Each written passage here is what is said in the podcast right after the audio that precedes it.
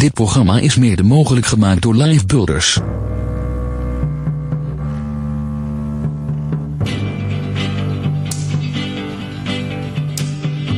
Nobody knows the trouble that I've seen. Nobody knows my sorrow.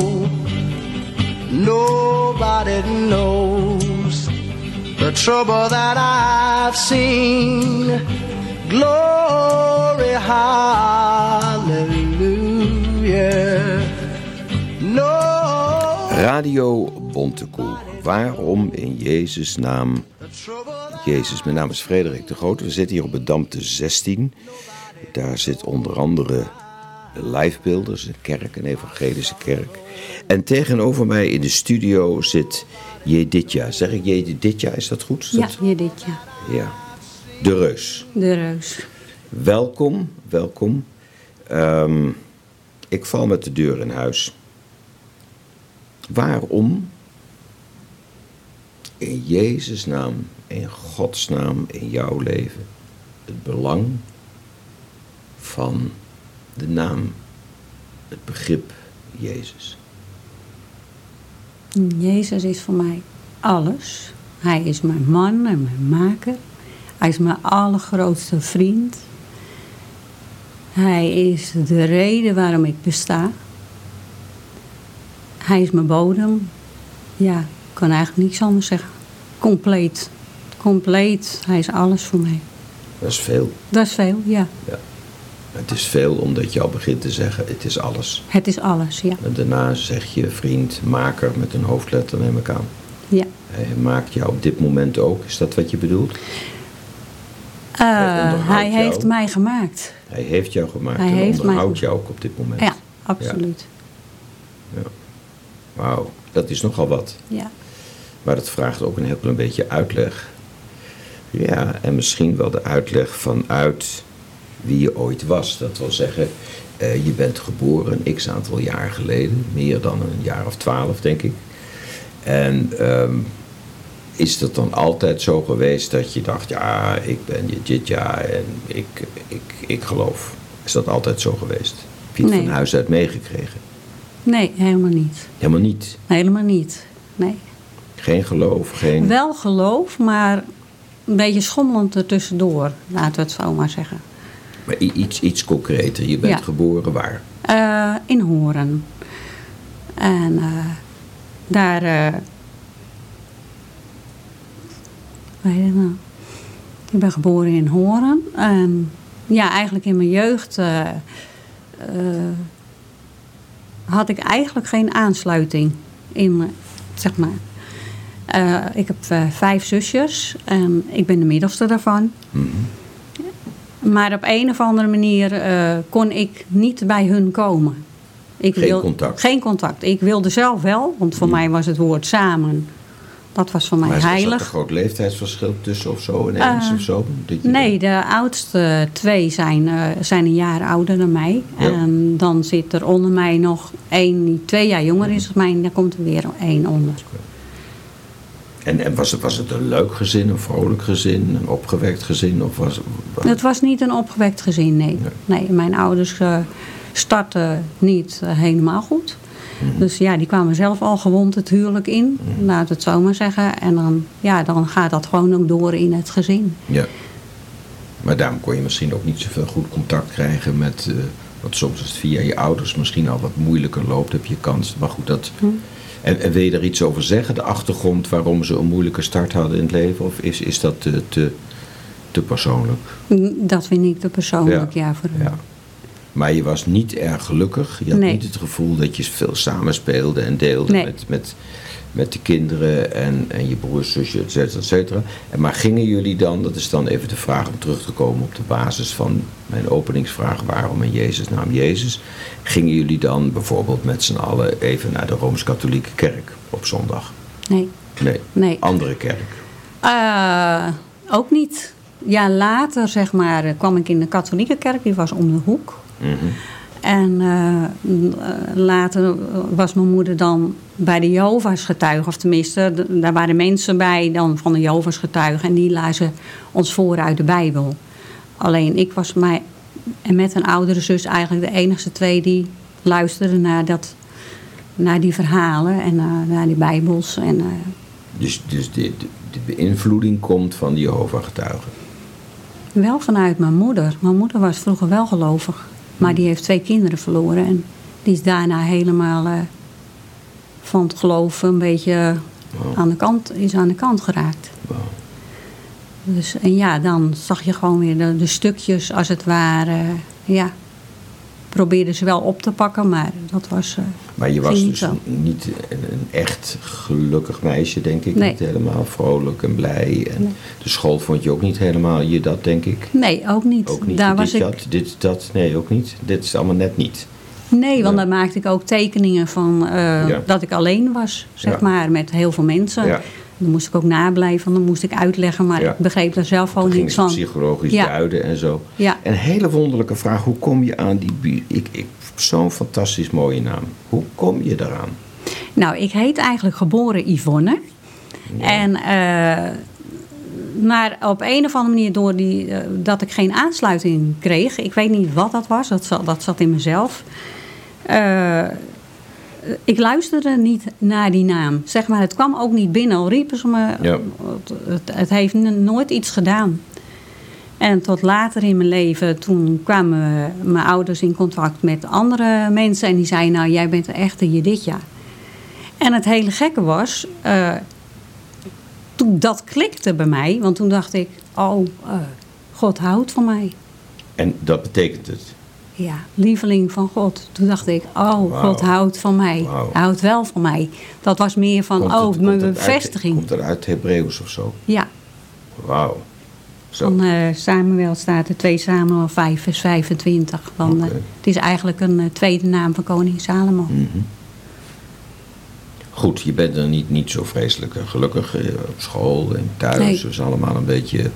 En dan werd je een heel erg eigenzinnig kind van. Stil, Stil. heel stil.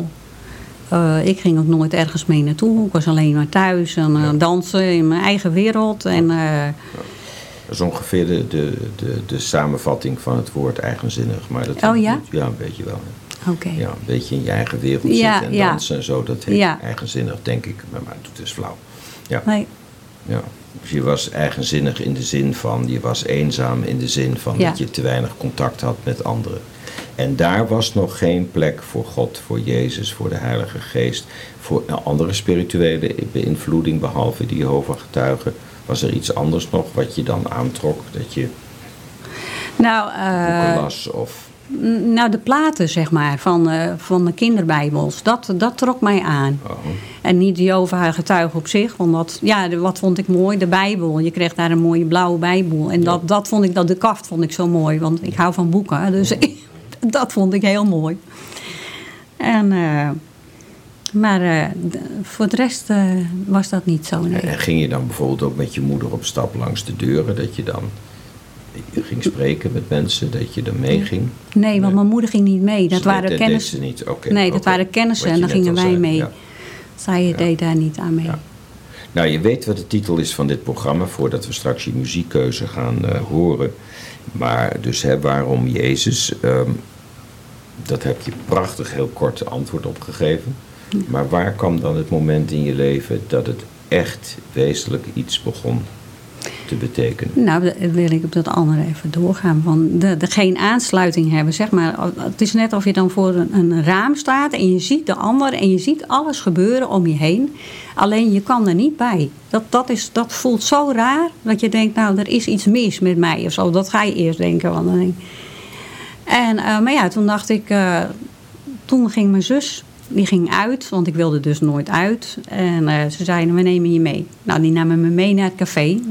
Maar dat, dat wilde ik al helemaal niet. Maar goed, ik moest. Omdat ik dan altijd thuis alleen was. En dat weet je nog, dat moment dat je dat café binnenkwam. Ja, dat weet ik nog heel goed. Ja. Daar heb ik mijn partner ontmoet. Die heb ik meegenomen. En hij is nooit meer in het café geweest. Dus dat was een goeie.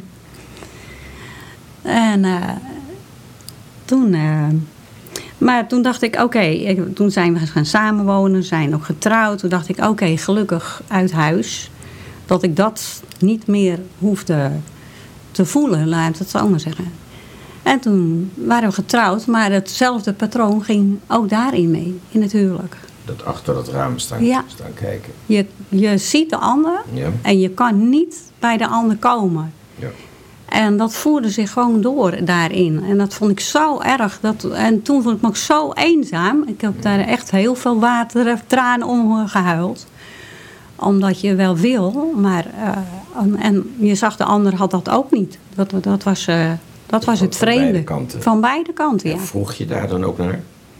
Ja, want ik begreep het niet. Ik dacht, wat doe ik verkeerd? Ik betrok het op mezelf. Ik dacht, wat doe ik nu verkeerd? Wat is er mis met mij? En ik moet veranderen. En ja, wat ging ik dan doen? Eh mij aanpassen aan dat wat ik dacht dat de ander van mij wilde. Ja. En ja, uiteindelijk verlies je je eigen, je hele identiteit. Want je weet daarna niet meer wie je bent en Ja. wat.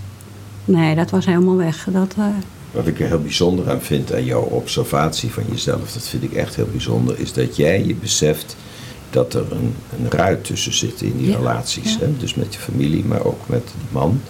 Eh, Een, een, dat er iets tussen zit. Terwijl de meeste mensen gaan observeren dat niet, maar gaan de ander de schuld geven van dat er iets niet klopt. ja. Jij zegt, hé, hey, wat raar, ik ervaar de wereld, ik zou zo graag bij die ander willen horen en het kunnen delen. ja.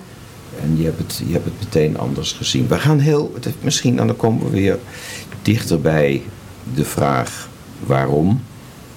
Ik heb je staan in the presence of your story. Glory. Glory. Die glimlach die erbij, dat vind ik zo schattig. Niemand kan dat eh, zien, maar dat vind ik zo leuk. Die glimlach van, ach meneer de Groot, leest u nou eens goed wat er staat. En er staat inderdaad, ik dacht, ja, mooi, mooi, glory. Wat, waarom? Wat, wat, is, daar, wat is daar de... Toen kreeg ik, we konden geen kinderen krijgen. En eh, na een aantal jaren is dat wel gebeurd. Want eh, ik had helemaal geen kans om kinderen te krijgen. Maar eh er werd er gebeden en die zei, ja, je zal een kind krijgen over vijf jaar.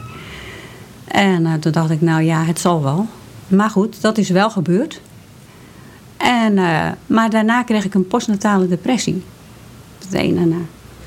En toen is mijn moeder en met nog een vriendin van haar hebben me meegenomen en in een, een staakerven waren en daar zijn ze gaan bidden.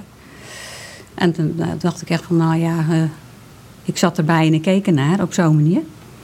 Maar eh, daarna zijn we op de knieën gegaan en ja, voor God te verschijnen. En toen heb ik mijn leven aan neergegeven.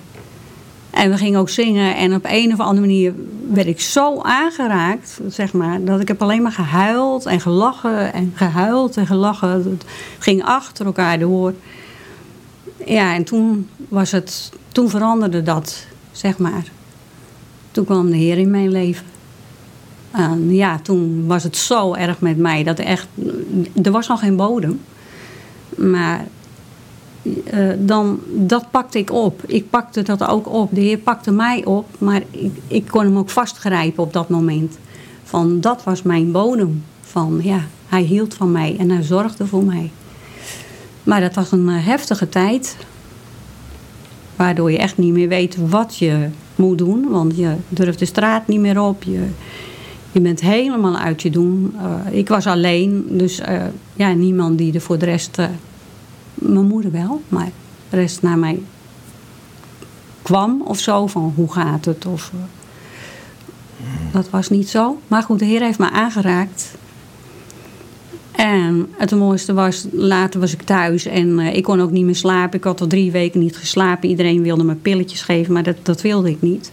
Ik ben op mijn knieën gegaan en eh ik had een verhaal van die vrouw die eh, de mantel aanraakt van de Heer Jezus. En, ja, dat gebed heb ik gebeden en ik heb op mijn knieën gezeten. En eh, toen kwam er zo rust over me.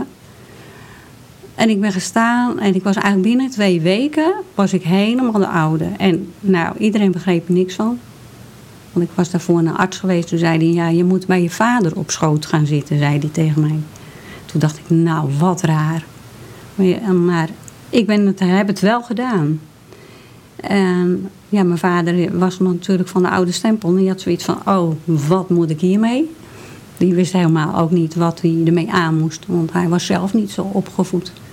Dus eh, ja. Maar eh, dat was wel een stuk hening. Dat moet ik wel zeggen. In the presence of your glory. Ja. Your Jesus.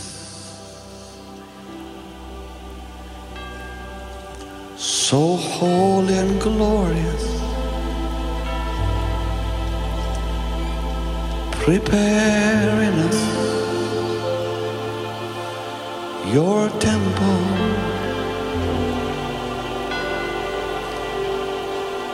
We are born as living stones where you're enthralled.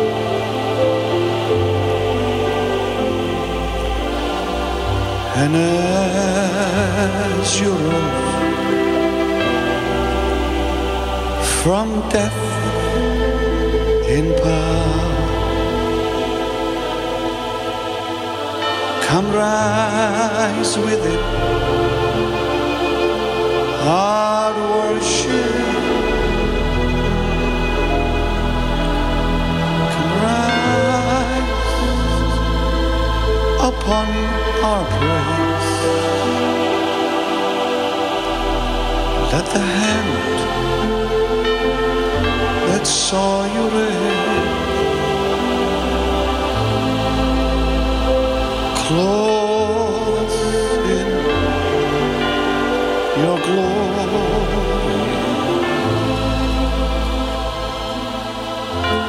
Draw us by your grace. Oh, the glory.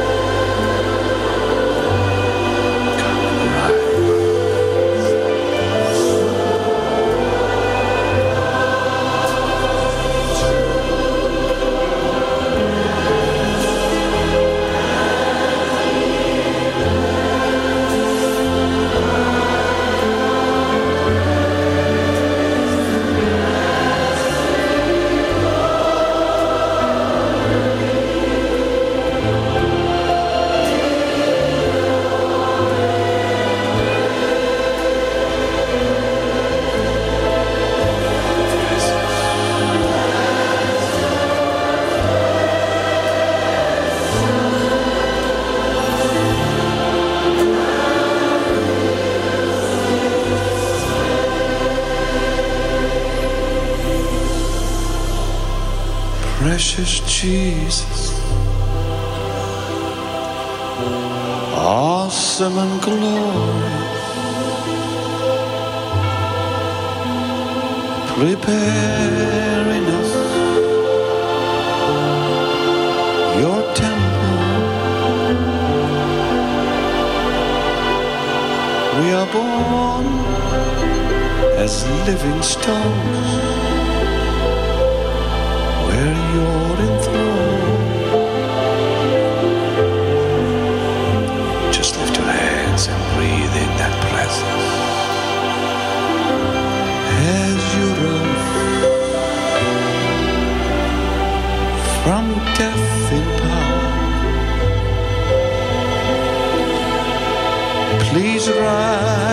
rise within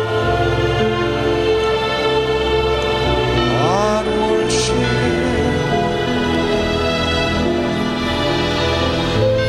Come rise upon our praise.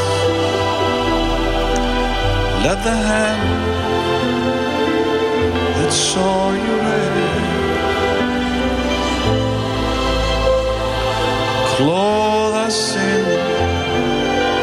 glory. Us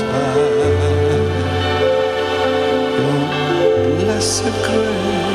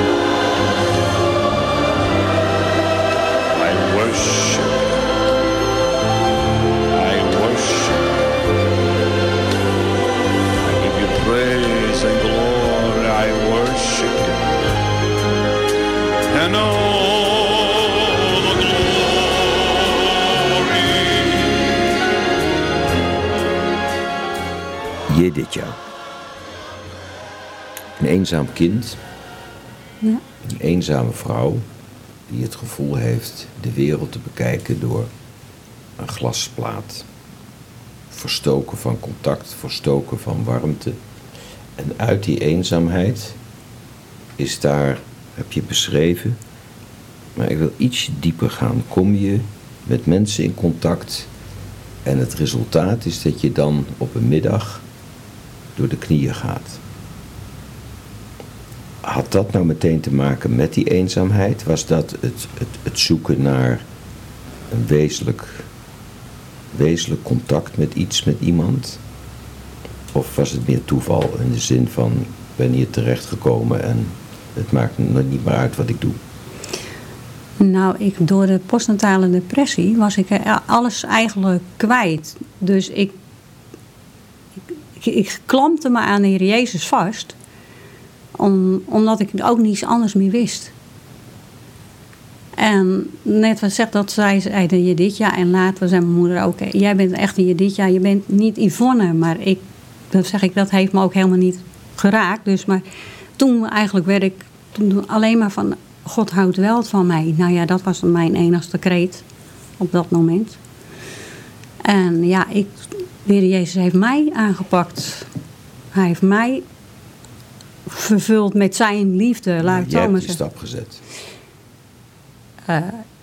Ik heb die stap gezet, maar eigenlijk was er niets anders meer dan alleen. Zeg, de postnatale depressie was zo ernstig.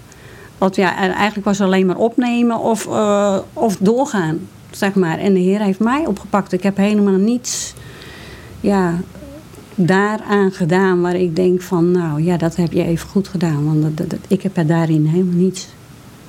Heer heeft me gewoon gepakt, als het ware. En ja, opgetild. En, en toen ging ik hem ook zoeken. Alles in zijn handen te leggen. Van, ik, ik wist niet meer hoe het moest. Ik wist niet meer wie ik was. Ik was getrouwd, maar ik denk, nou ja, eh, daar kon ik ook niet bij komen. Dus dat was allemaal heel moeilijk. Maar ik had wel een kindje. En daar heb ik, ja, dat was mijn zegen. Want met dat andere wist ik niet meer om te gaan. Dus ik daar, en toen daar heb ik me op, dat ik dacht, dat heb ik me ja, gekoesterd, als het ware. En ja, toen is de kinder, mm, de liefde naar de kinderen gekomen. Want kinderen zijn, ja, die kijken naar je hart. Dat zeg ik altijd. Kinderen kijken naar je hart. Die kijken niet naar jou. Die zeggen, ik vind je lief of ik vind je niet lief. En dat is zo eenvoudig en simpel. Terwijl volwassenen allemaal eisen aan moet voldoen. En wat je eigenlijk voor je gevoel, ja, dan zit je er altijd naast. Je zit er altijd naast. Het is nooit goed en het is, ja, dat kan in mijn ogen dan. En kinderen, dat was voor mij alles. Dus eh, ja. En na vier jaar kreeg ik nog een kind. En toen zei ik, ja, ik heb voel een kriebeltje in mijn buik. Toen zei ze, ja, dat kan helemaal niet. Wonderen, Eén keer, dat kan maar twee keer. En toen zei ik, nou, volgens mij ben ik zwanger. En dat was ik dus ook. En toen kreeg ik nog een En dat dochter erbij. Een, een medisch wonder bedoel je? Of Eh, sowieso een wonder? Zo, sowieso een wonder, want ik kon eigenlijk geen kinderen krijgen. Ja, dus, dus dan een medisch wonder Ja, dus. ja. Ook. Ja, nou, ik zie dat niet als een medisch wonder. Want ik denk, ja, heer, dat heb u gedaan. Want ik eh, had, Nee, helemaal geen kans. vanuit, vanuit het medische, vanuit deze wereld Ja, gezien. oké, dat sorry. mag ik toch zo zeggen of niet? Dan Ja. is dat een, een medisch wonder, Ja, toch? ja, voor een, Ja, we kunnen elkaar ook tegenspreken Ja. tijdens zo'n radioprogramma. ja, dat Dat is heel niet. goed. Dat moet ook. Oh ja, dat kan ook nog. Dat houdt je scherp. Nou, dat weet ik niet, maar... en, maar even, even voor mij, je gaat... Daar kan ik me iets bij voorstellen. Je zegt, ik wil het niet meer alleen doen. Ik ga door de knieën. God help mij. Ja. Jezus help mij. En, enzovoort, enzovoorts. En ging toen... De ruiten, gingen die toen kapot? Wat- Nee. Wat gebeurde er Dat toen? ging niet kapot. Dat Dus de mijn eenzaamheid moeder. bleef. Ja, de eenzaamheid bleef. En, maar de, de, de kinderen heften het op, zeg maar. En eh, ja, toen had ik zoveel liefde voor de kinderen. En ik kreeg al meer liefde, zeg maar. eh, voor de kinderen, maar ook voor de mensen om me heen. Ik had echt, de Heer had me. En ja, toen ging ik eigenlijk... eh, toen deed ik alles om een ander te redden. Eh, om mensen die het moeilijk hadden of een zusje die geen contact meer thuis had. ja, zou ik de brug dan wel voor zijn. en, eh, maar ja, de grootste redding had ik zelf nodig. En de brug is de Heer Jezus dus. Ik heb het in het menselijke allemaal willen oplossen voor iedereen. Terwijl ik zelf eigenlijk nog dat de Heer Jezus mij moest redden. En iedere dag opnieuw moet hij mij redden.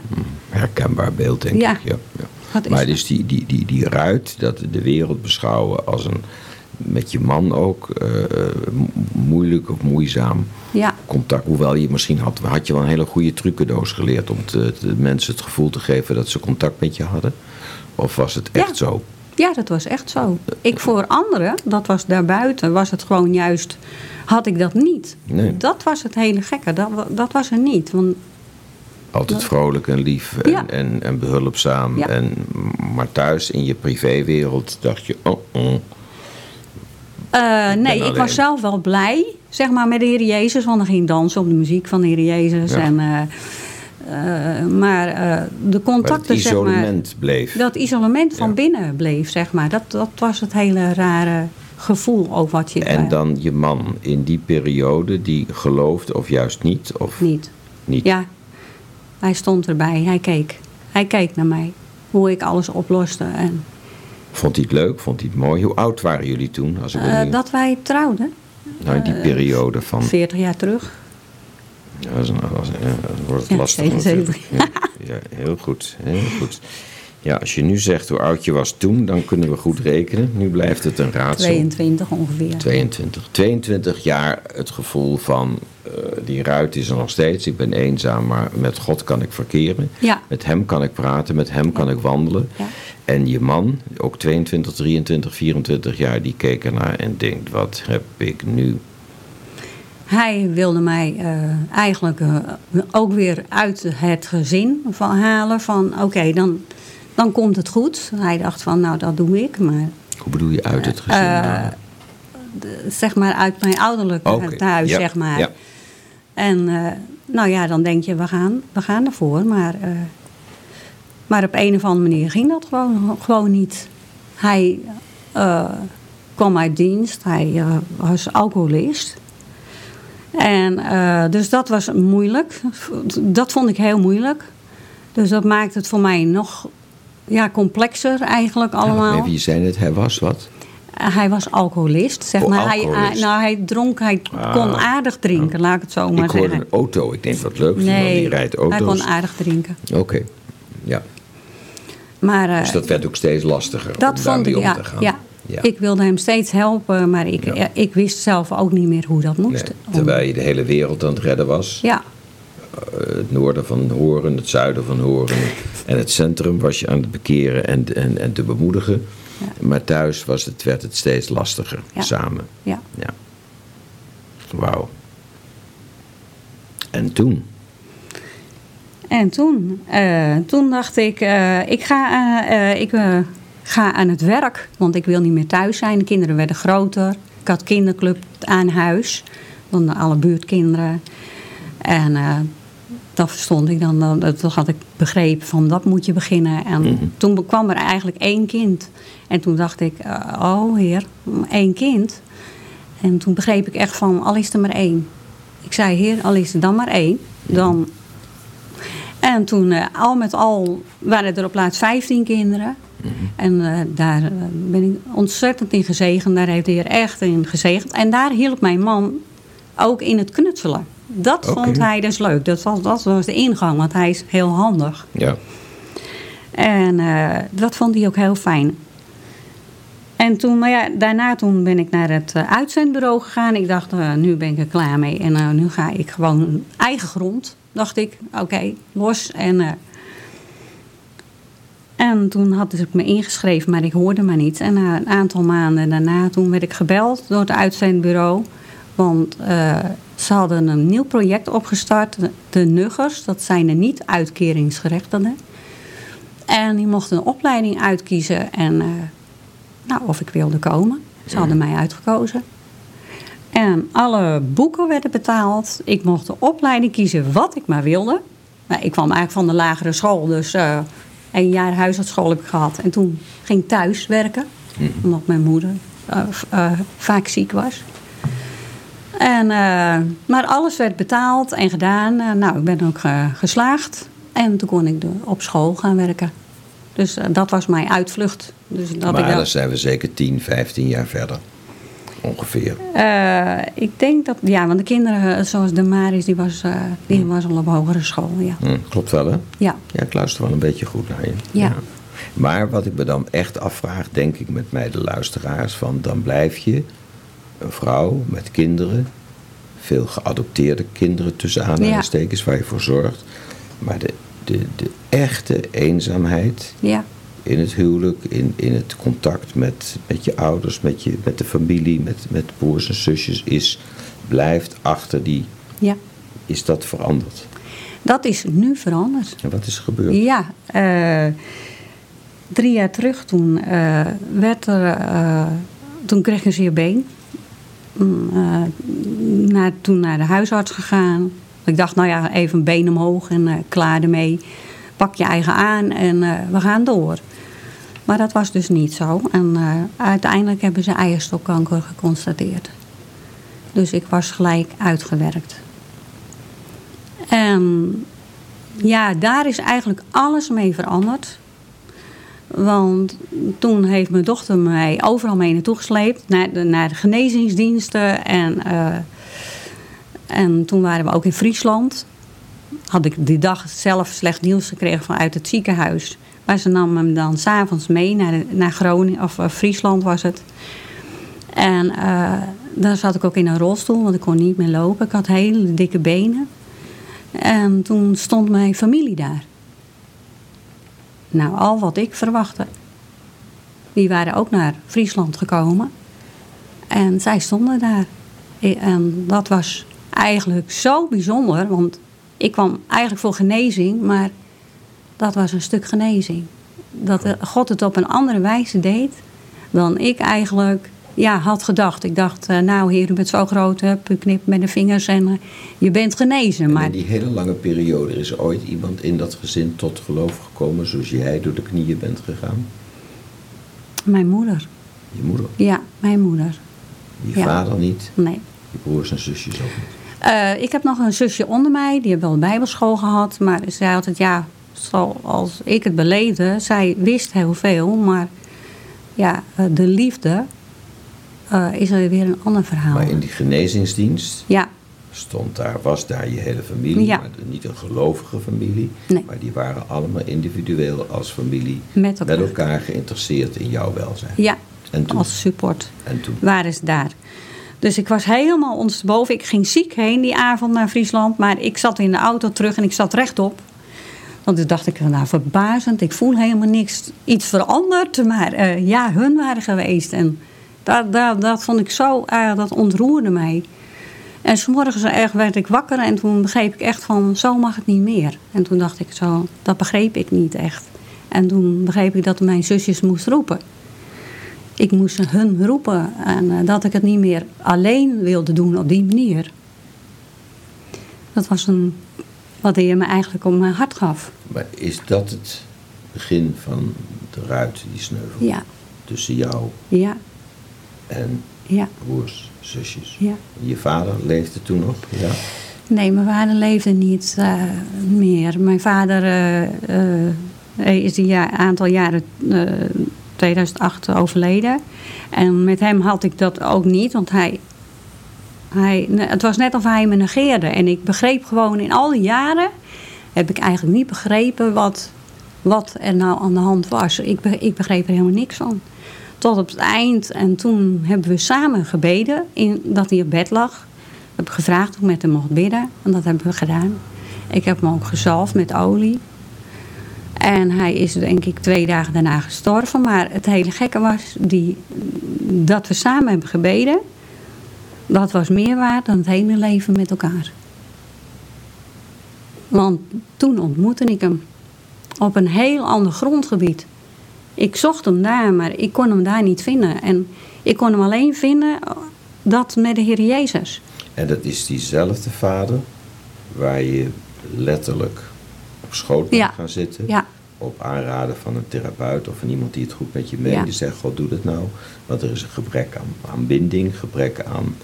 En, en die dat toen wat vreemd, merkwaardig vond. En, ja, en toen is dat neem ik aan een beetje overgegaan of helemaal overgegaan. En dan ineens, zo vlak voor zijn dood, dan wordt Ja. het... Ja, en hij had ook dat contact via het gebed Ja. met jou. ja. Dus eh, ik, eh, toen ging me eigenlijk mijn ogen open. Want ook hij lag in het ziekenhuis en hij, eh, mijn zusjes herkende hij. Maar mij herkende hij niet. Voor zijn dood. En eh, toen, zei, eh, toen, was ik altijd heel verdrietig. En dan dacht ik, ja, oké, dat is weer zoiets van eh, niet herkennen van het patroon van, van vroeger. Want ja, dat, dat kom je er dan weer uit. En toen zei de verpleegster, nou, wees er maar niet verdrietig om, want ze zegt, hij pakt je hand. En ze zegt, soms zijn mensen zo dicht bij je dat je geen woorden nodig hebt, maar alleen maar de hand kan vasthouden en zeggen, hé, hey, dat daar, daar is dat. Ze zegt, dan zit je zo dichtbij dat dat heeft geen woorden nodig. En dat zijn allemaal momenten geweest dat Gods geest, neem ik even aan, bezig was om die enorme Ja, glazen muur waar je wel doorheen kon kijken, wat ik zo'n mooi beeld vind, ja. maar het niet kon voelen, niet kon Nee. meemaken. Nee. Maar ik kon ze wel op die grond ontmoeten. En ook mijn moeder. Op die grond kon ik haar ontmoeten. Dat was het. Op iets anders niet. De rest van mijn leven, zeg maar daarvoor, er was het gewoon één wazig gebied. En, maar daarna eh, was dat, was, veranderde dat. Toen werd contact met mijn moeder ook goed. En eh, ja, eh, nu kunnen we gewoon met elkaar bidden, met elkaar praten. En ja. Ik hoef het bijna niet te vragen, maar ik doe het toch. Waarom You Raise Me Up? Ik heb in het ziekenhuis gelegen. Natuurlijk, ik moest geopereerd worden in Amsterdam. Na, die, eh, dat, dat ene verhaal. En, ehm, maar toen s'avonds, ze bracht me in het ziekenhuis, maar ik was heel rustig. En, eh, want er was hier in Horen geconstateerd dat. eh nou, eierstokkanker dan, maar goed. En toen zei ik al, laat me maar alleen. Het, het is goed. En s'avonds heb ik gezegd, heer, is, het nog, eh, is er nog iemand of iets waarmee ik het in orde moet maken? Want ze hadden gezegd, we weten niet of je wakker wordt. Wat we kunnen vinden. Het kan zijn dat we iets vinden dat we gelijk weer moeten toesluiten en ja, iets anders moeten gaan vertellen. Dus wat eruit komt, dat weten wij niet. Dus, en maar goed, ik had, er, ik had echt vrede mee. Ik dacht, nou ja, heer, dan is het tijd. En eh, ja, toen vroeg ik van, wie moet ik het nog in orde maken, heer? Eh, en, maar ik, ik heb gewoon vergeving gevraagd voor alles. En ik, ik was zo rustig en ik dacht, nou, kom maar. Dan, eh, 's morgens hebben ze me opgehaald. Ik ben eigenlijk glunderend eh, operatiezaal ingegaan. Want ik vond nog de mensen allemaal met de blauwe mutsjes op. Dat vond ik nog wel vrij komisch. Dus eh, ik ging er met een heel andere ja, houding in. En toen werd ik wakker. En in eh, weer in lag ik in de kamer. Dan was ik uitgeslapen. En uh, toen hadden de Orpa's mijn tante, zegt ja. En die is bij mij eigenlijk, dat ze klein was, altijd uh, over huis geweest. En ja, dat heb ik ook al vaak meegenomen naar de genezingsdiensten, naar de kerk. En maar, en met, samen met mijn dochter hadden ze allemaal letters op de, op de ramen geplakt. You raise me up. De tekst van het lied. En waar menig zuster en uh, arts voorbij kwam. En dan moest ik het uitleggen en, uh, hoe dat in elkaar zat. Maar voor mij was ik... Ja, nou ja, dood. En, maar ik mocht weer leven. Ik mocht doorgaan. Weer voor mijn gevoel. En, en dat moment, die dag, die week. Ja. Toen was je ongeveer hoe oud? Waar, waar zijn we dan? Uh, ik ben nu 60, denk twee jaar terug. Drie jaar terug. Oké. Okay.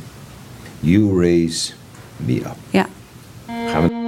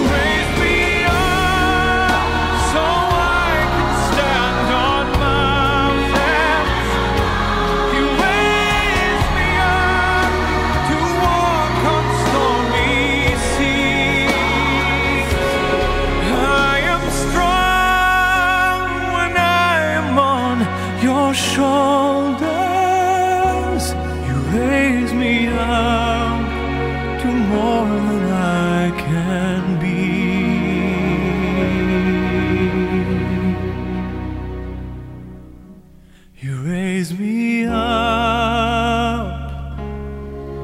to more than I can be.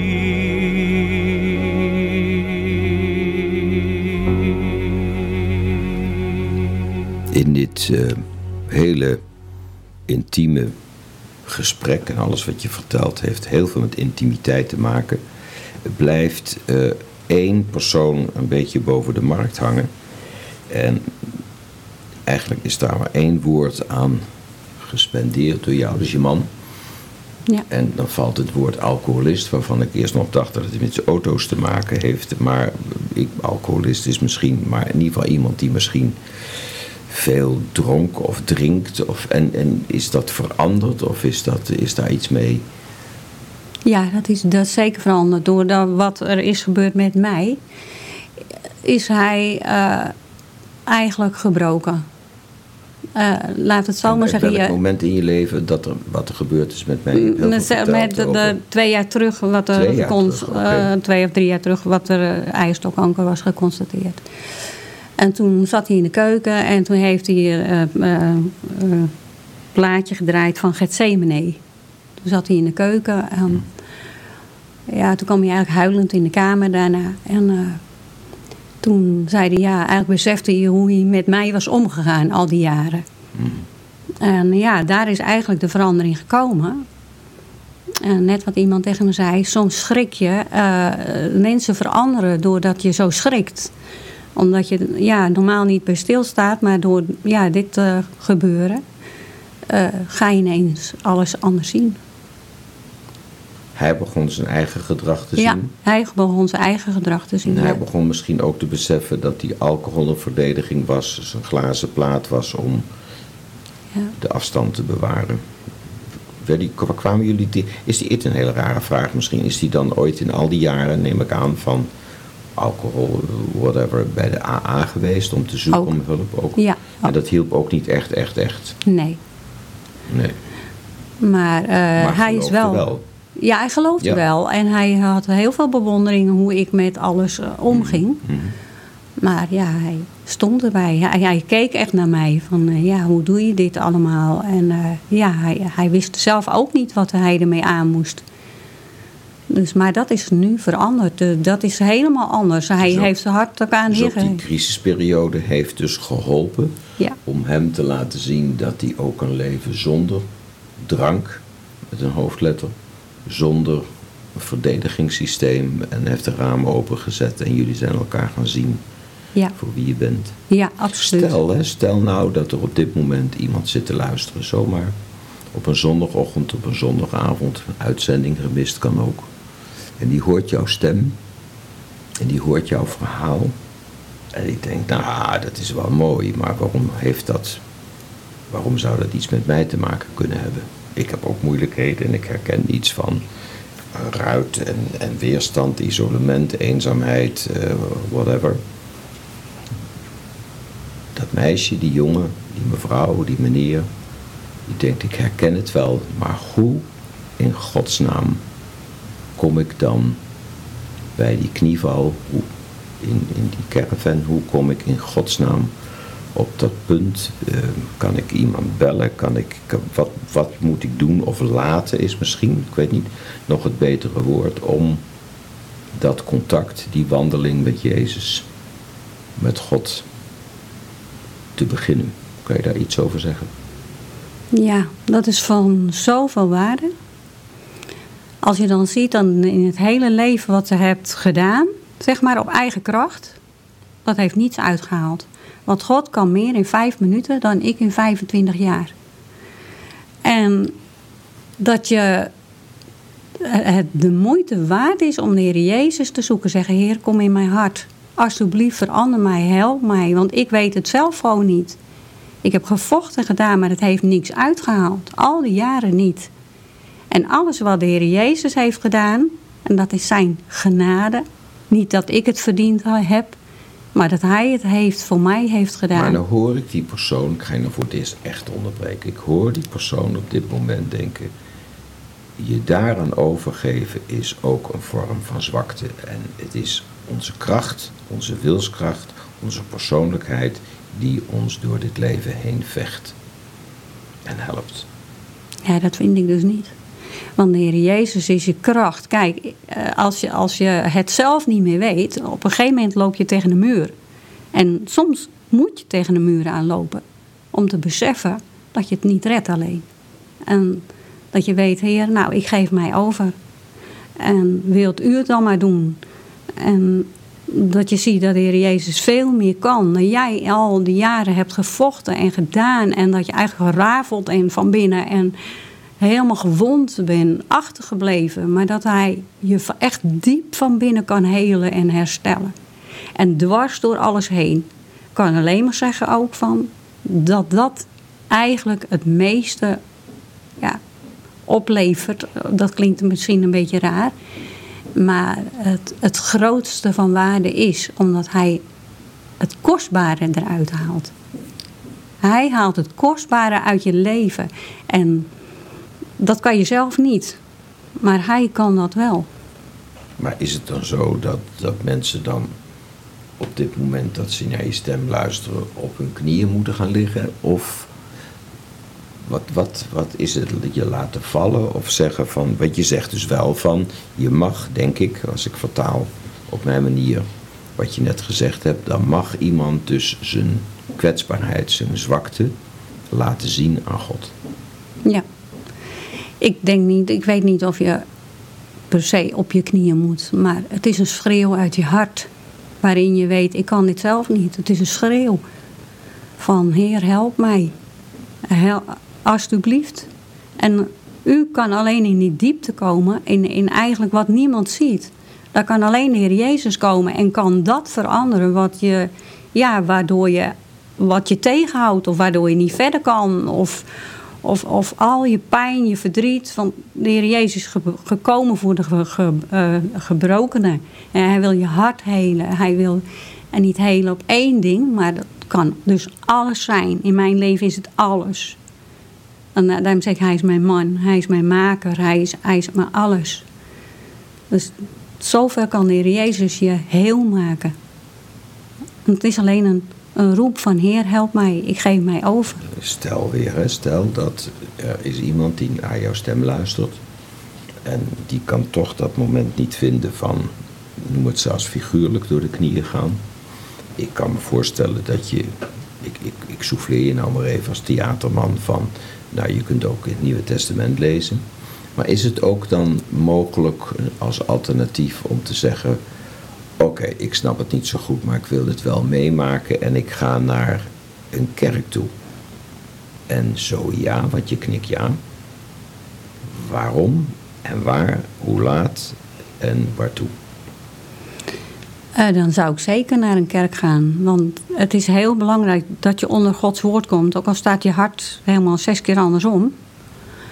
Maar door... Even voor mij een beetje sneller onder Gods woord komt. Uh, uh, ja, onder het, nou, zeg maar door... Ik was net ontspannen. En ja, onder het woord betekent dat je in een kerk komt waar gepredikt wordt. En die, de prediker die vertelt natuurlijk iets uit de Bijbel en hoe God dat, hoe God dat wil. En dat is heel belangrijk, maar omdat je in je, in je leven uh, zijn er heel veel kronkels komen er in je denken. En doordat je zeg maar Gods woord hoort, want het geloof komt ook door het horen, dat je dat dat weer rechtgetrokken wordt. En waardoor God, dat je weer in Gods weg komt. Op Gods weg komt. En dat hij zegt, dan kan ik je zegenen. Als je op mijn weg komt, dan kan ik je zegenen.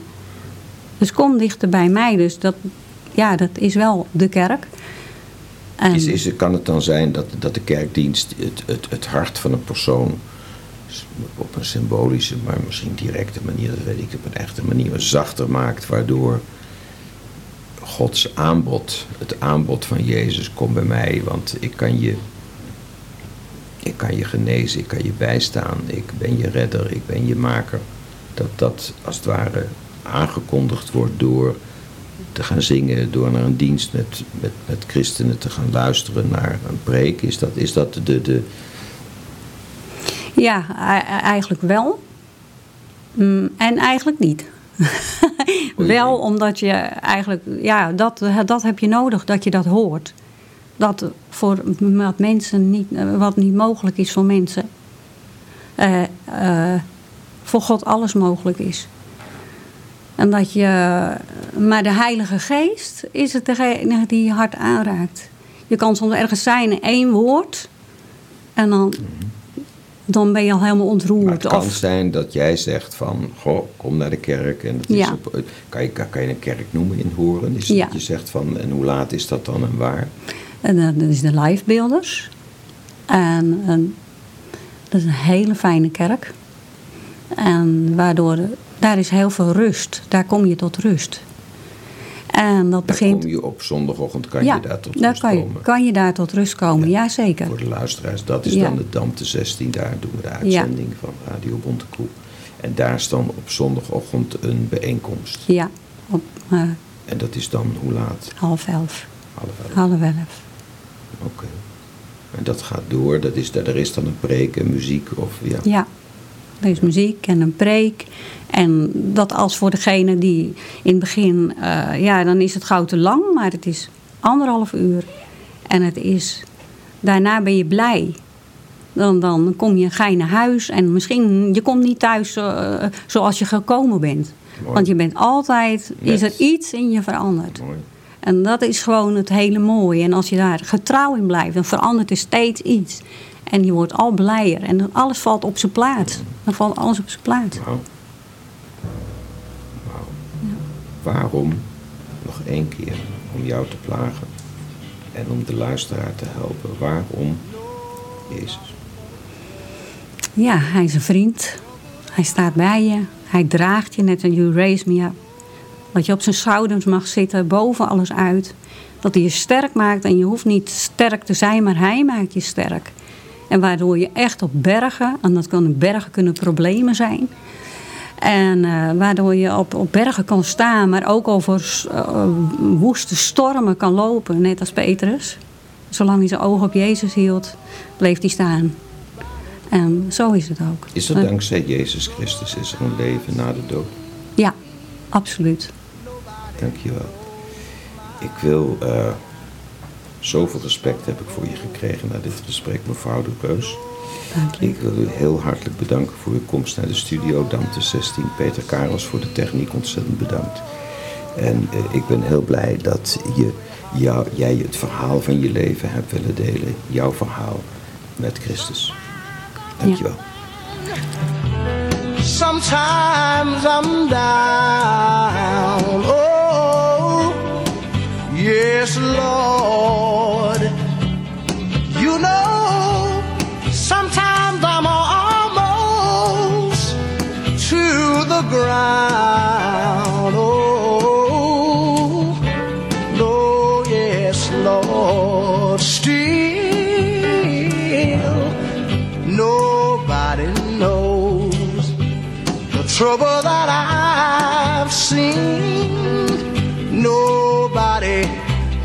nobody knows my my sorrow. Nobody knows the trouble that I've